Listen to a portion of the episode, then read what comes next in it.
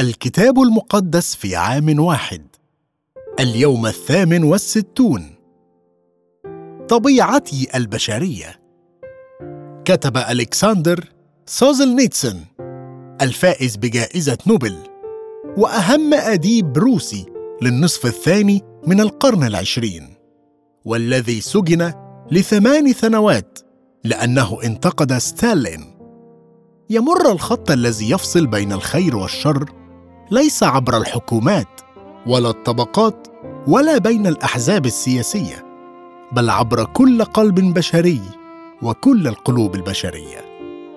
كلنا خلقنا على صورة الله وبإمكان البشر أن يقوموا بتصرفات محبة وشجاعة وبطولة عظيمة. لكن لا أحد منا بخلاف يسوع المسيح بلا خطية. هل تعرف ما بقلبك؟ الطبيعة البشرية وضعفها. كل خطية تكسر ناموس الله وبالتالي فهي خطيرة. لكن هناك تدرج للخطية. فبعض الخطايا أسوأ بكثير من خطايا أخرى. يقدم كاتب الأمثال هذه النقطة باستخدام مثال شخص يسرق لأنه جائع. نعم حتى هذا خطأ. وهناك ثمن عليه أن يدفعه. لكن يقول الكاتب إن عواقب الزنا أكثر بكثير فهو يؤدي إلى العار الغيرة والانتقام وإلى دمار حياة الناس خاصة الزناء أنفسهم فعديم العقل المهلك نفسه هو يفعله. ضربا وخزيا يجد وعاره لا يمحى. يقول الكاتب لأنال غيرة هي حمية الرجل فلا يشفق في يوم الانتقام. لم تتغير الطبيعة البشرية في آلاف السنين. لا شيء خطأ في الجنس أو المال لكن هناك الكثير من التجارب التي تحيط بهما هما الاثنين. العديد من الشرائع في فقرة العهد القديم اليوم تم تطويرها لوضع الحدود حول هذين الأمرين لحماية استخدامهما الصحيح. أشكرك يا رب لأجل العطايا التي تعطيها لنا ولأجل الحدود التي قد وضعتها لاستعمالهما بشكل صحيح. لا تدخلني في التجربة لكن نجني من الشرير. الطبيعة الفاسدة ونتائجها أدت الطبيعة البشرية الخاطئة لموت يسوع. التحدي هو أن نعيش بصورة مختلفة. كن صادقا.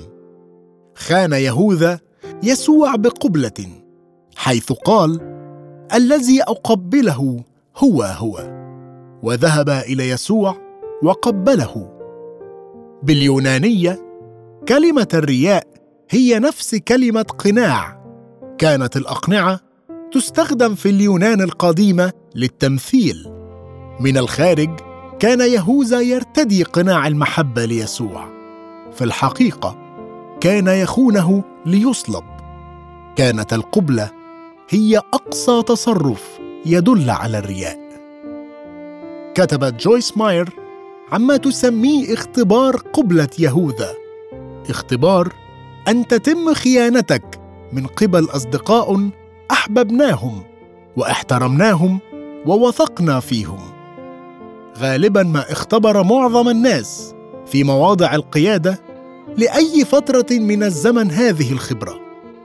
أنت بحاجة لأن تغفر للمذنب ولا تدعه يتسبب في أن تفشل أو تتأخر في فعل ما دعاك الله لتقوم به. تكلم بالحق. لأنه لم يكن هناك أي دليل ضد يسوع.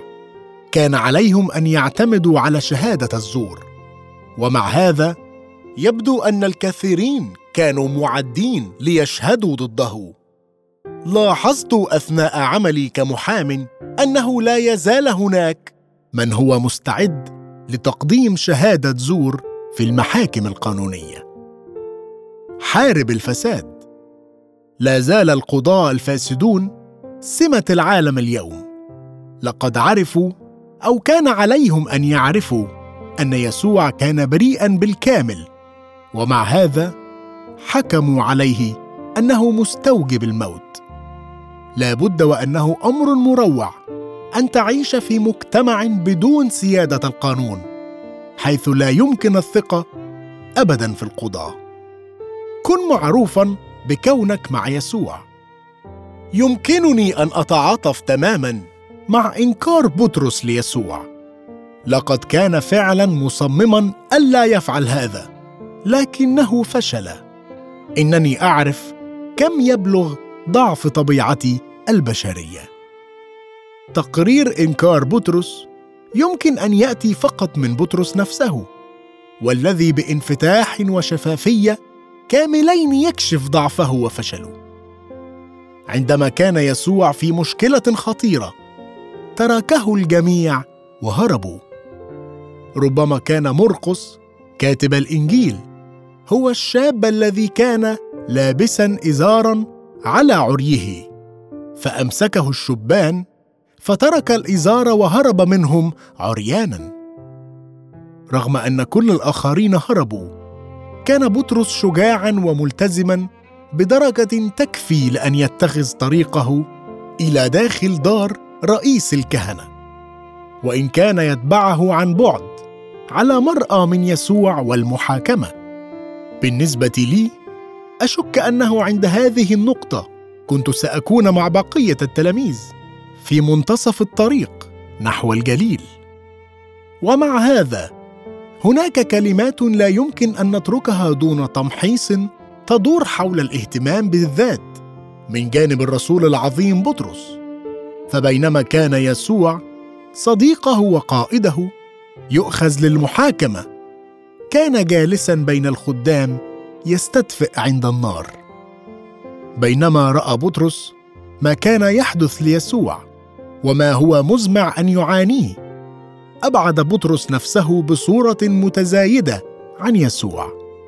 وإذ بدأ يتحرك في هذا الاتجاه كانت الخطوة التالية هي أن ينكره. وإذ اتخذ مسار يتضمن الكذب انتهى به المطاف وهو يقول إني لا أعرف هذا الرجل الذي تقولون عنه. إنني متأكد من أن بطرس لم ينوي أن يذهب بعيدا جدا عندما أبقى نفسه بعيدا عن يسوع. لكن بالنسبة لنا جميعا يمكن أن تؤدي خطية إلى أخرى بكل سهولة. قبل أن ندرك فينتهي بنا الحال وإذا بنا نفعل امورا نندم عليها بعمق. عندما تبين لبطرس ما فعله فلما تفكر به بكى. أشكرك يا رب.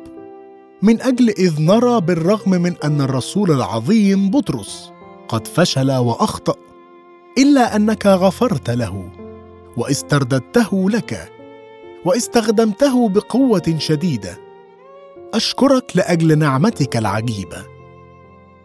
كتبت جويس ماير يريدنا الله أن نحيا حياة طاهرة ونقية تنساب مثل المياه الرائقة العذبة لأن الله وحده هو نبعك ومصدرك.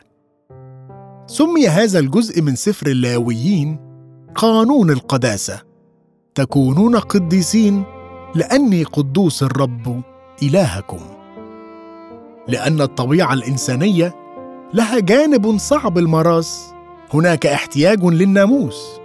فمثل أي مجتمع هناك شرائع مدنية وشرائع جنائية. فبعض هذه الشرائع خاصة وموجهة لمشاكل إسرائيل القديمة البعض الآخر كانت متسعة وقابلة للتطبيق بشكل عام في معظم المجتمعات. صارت الشرائع الطقسية الآن مهجورة وقد أبطل يسوع الشرائع الخاصة بالطعام وتمم عمل الذبائح في موته. لم تكن الشرائع المدنية تصلح بالضرورة للأمم الأخرى. كانت بعضها إنسانية عطوفة وأخرى كانت حادة. يبدو أن تلك الشرائع كانت ضرورية للمراحل الأولى من تاريخ إسرائيل ولكنها ليست ذات صلاحية دائمة أو عامة. لا زال الناموس الأخلاقي كما وسعه وعمقه يسوع وكما تم إيضاحه في الرسائل ساريا بصفته إعلان لإرادة الله لشعبه.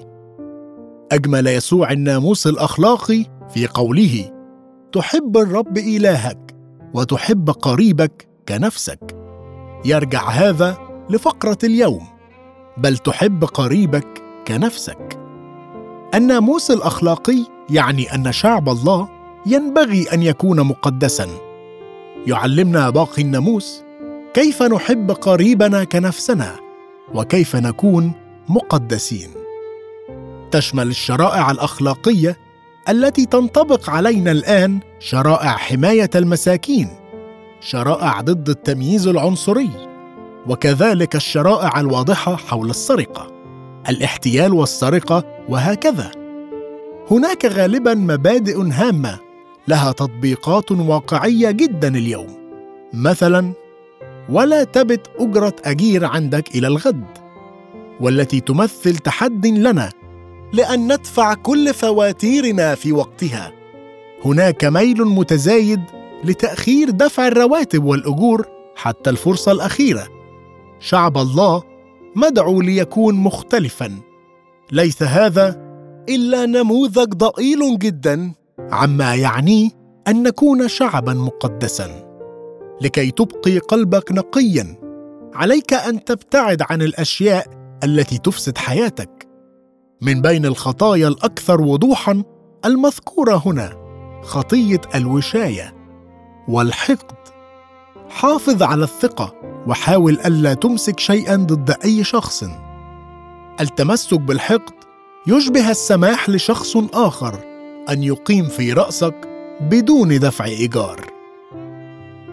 هناك أيضا تحذيرات بخصوص مخاطر السحر.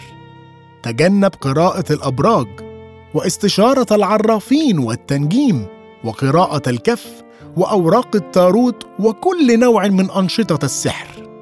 إن كنت قد دخلت في أي من هذه الأمور يمكنك أن تنال الغفران. تب وتخلص من الأشياء المرتبطة بهذه الأنشطة مثل الكتب والأحجبة والأقراص المدمجة والمجلات. جانب آخر من الناموس هو أنه يجلب الخطية إلى النور ويؤدي إلى التوبة والاعتماد على نعمة الله. عندما أقرأ كل هذه الشرائع أستطيع أن ألاحظ كم يصعب العيش بمقتداها وكيف أعجز عن الوصول لمعايير الله وكم أحتاج لغفرانه ومعونة روحه القدوس. يا رب أشكرك لأنك مت لتحررنا من لعنة الناموس.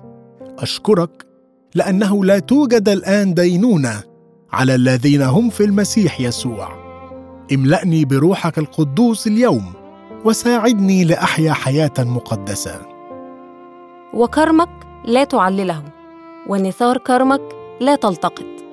للمسكين والغريب تتركه. أنا الرب إلهكم.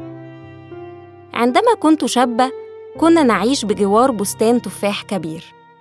كنا نتمشى فيه دائما. في وقت الحصاد كان هناك وعاء كبير لكل التفاح. بعد هذا كل ثمرة تسقط أو لم يتم جمعها في وقت الحصاد كانت تجمع في أكوام كبيرة مع الثمار المتعفنة. ترك المساكين يأخذون الطعام ربما لا يكون له مغزى اقتصادي. لكن المبدأ الكتابي هو أنه ينبغي إمداد المساكين بالطعام وإنه لا ينبغي إهدار الطعام.